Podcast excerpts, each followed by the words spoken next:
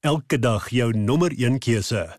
Radio Deugerberg 104 FM. Nou die tema van vanaand se boodskap en en die mense by die radio het al klaar vir my boodskappe ingestuur en gesê hulle val van hulle stoele af en hoe kan dit wees dat jy so iets sê? Um, maar ek wil nie kontroversieel wees nie. Dis nie my doel om uit te gaan en skokkend te wees en kontroversieel te wees nie. Maar toe ek aan hierdie gedagte dink, toe is dit al gedagte wat regtig waar by my opkom. Toe is dit die enigste manier hoe ek dit kan verwoord in my hart en in my gedagtes, dit wat die Here besig is om te kom sê. En dit is dat dis die Here wat my leer steel het. Die Here het my leer steel. Nie nie staal nie, steel, beroof, wegvat van iemand anders daal, iets wat aan iemand anders te behoort het, het ek geleer doen en Jesus het vir my die voorbeeld gewys. Nou ek weet wat sê jy vanaand vir my, jy sê Reinhard, dis onmoontlik. Jesus het nooit gesteel nie. Jesus het nooit 'n on, onregte ding gedoen nie. Jesus was perfek geweest. Hy was sonder sonde geweest. Dis hoekom hy die vlekkelose lam is en jy's 100% reg, hy was. Maar selfs Jesus het vir my en vir jou iets kom gee wat as 'n as 'n tool en 'n hulpmiddel is wat ek en jy in ons lewens kan toepas wat amper voel asof ons besig is om te steel. Want wat is die konsep van diefstal? Diefstal is om iets wat nie aan my behoort nie, iets wat ek nie verwerk het nie, iets wat ek nie verdien het nie, iets wat ek nie uh self bymekaar gemaak het nie, iets wat wat aan iemand anders te behoort. Ek eien dit vir myself. Ek pas dit toe in my lewe. Ek maak dit deel van my en ek vat dit weg van die een af en dit sit dit nou in my. Ek sê dis nou Reinhardsen. En sal jy my glo as ek vir jou sê dat Jesus het self dit gedoen? Jesus het self vir ons daai voorbeeld kom stel. En die gedeelte waarby ek wil stil staan vanaand is is hierdie ongelooflike gedeelte is dat ons sien baie keer dinge in die wêreld en ons eien dit vir onsself toe en ons kom is ons is besig om onsself te benadeel want ons gaan steel by die verkeerde plek. God gee nie om dat ons by hom steel nie. God gee nie om dat ons by hom kom neem dit wat ons nodig het nie.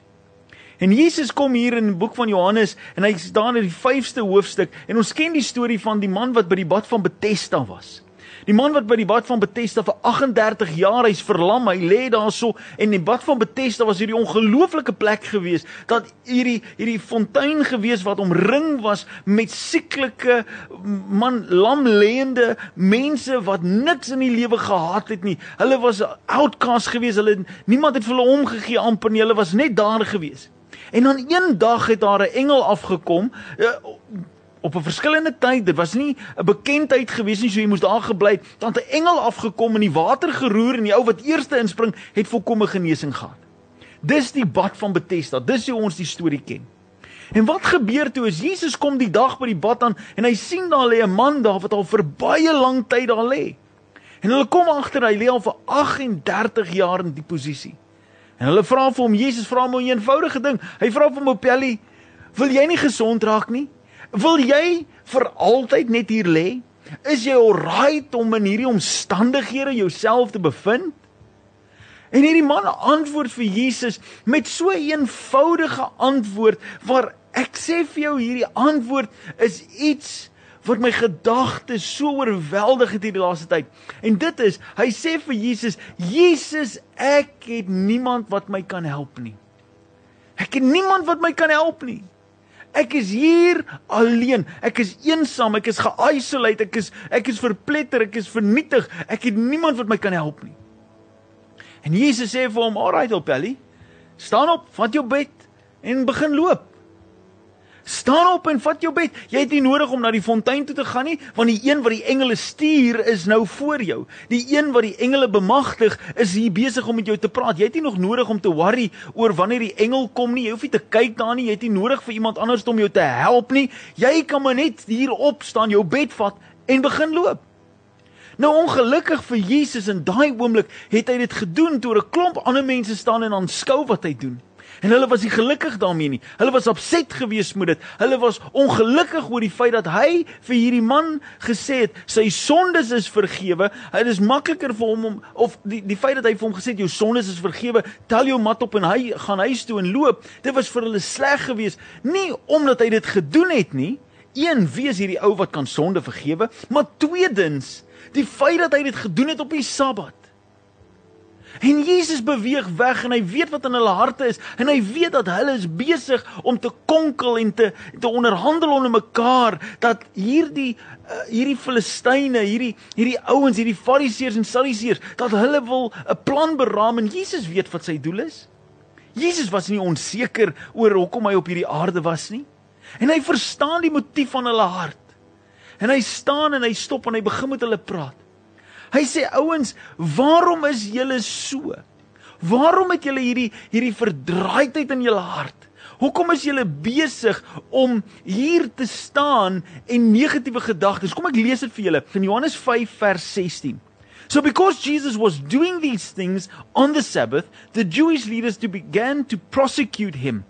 In his defense, Jesus said to them, My Father is always at work to this very day.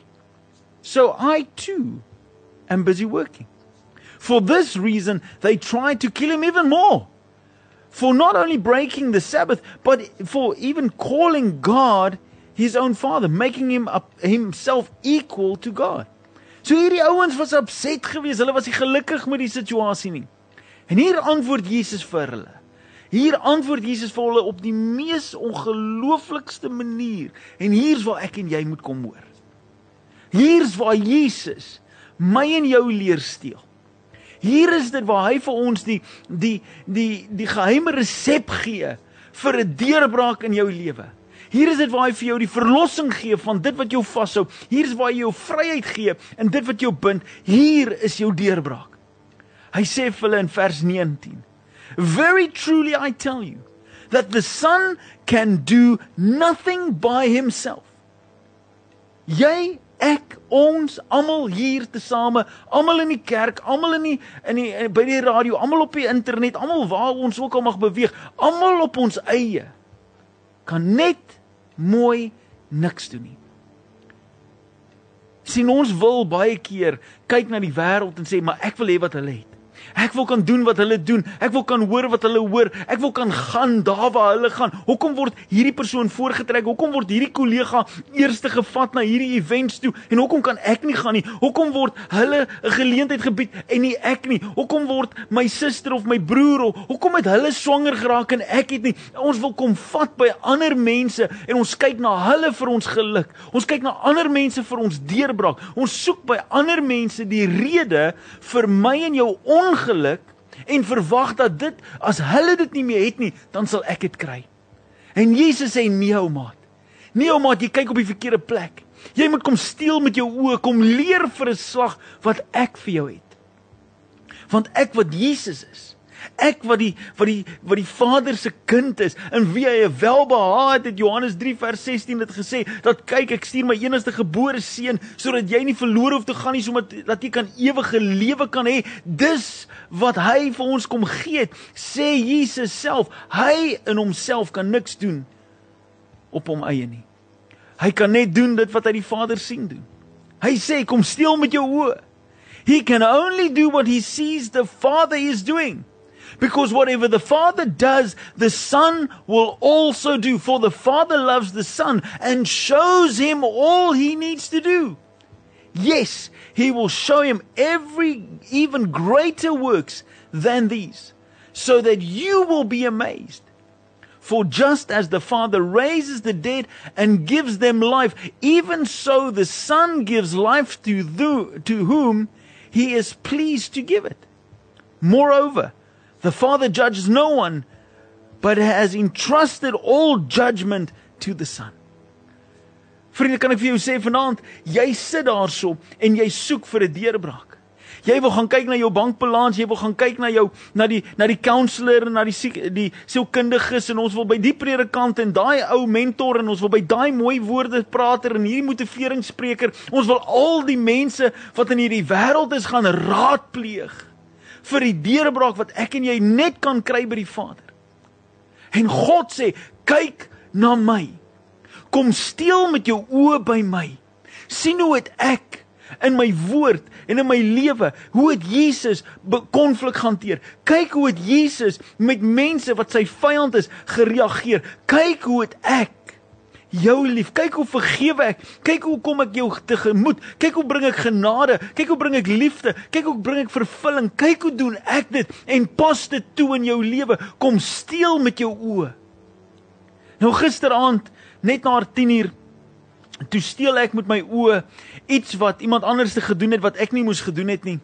10 uur in die aand in my woonbuurt, letterlik een stopstraat weg van my huis af. My die stopstraat is hier, my huis sit net hier om die draai. Letterlik moet ek oor die stopstraat ry en dan inry by my hek.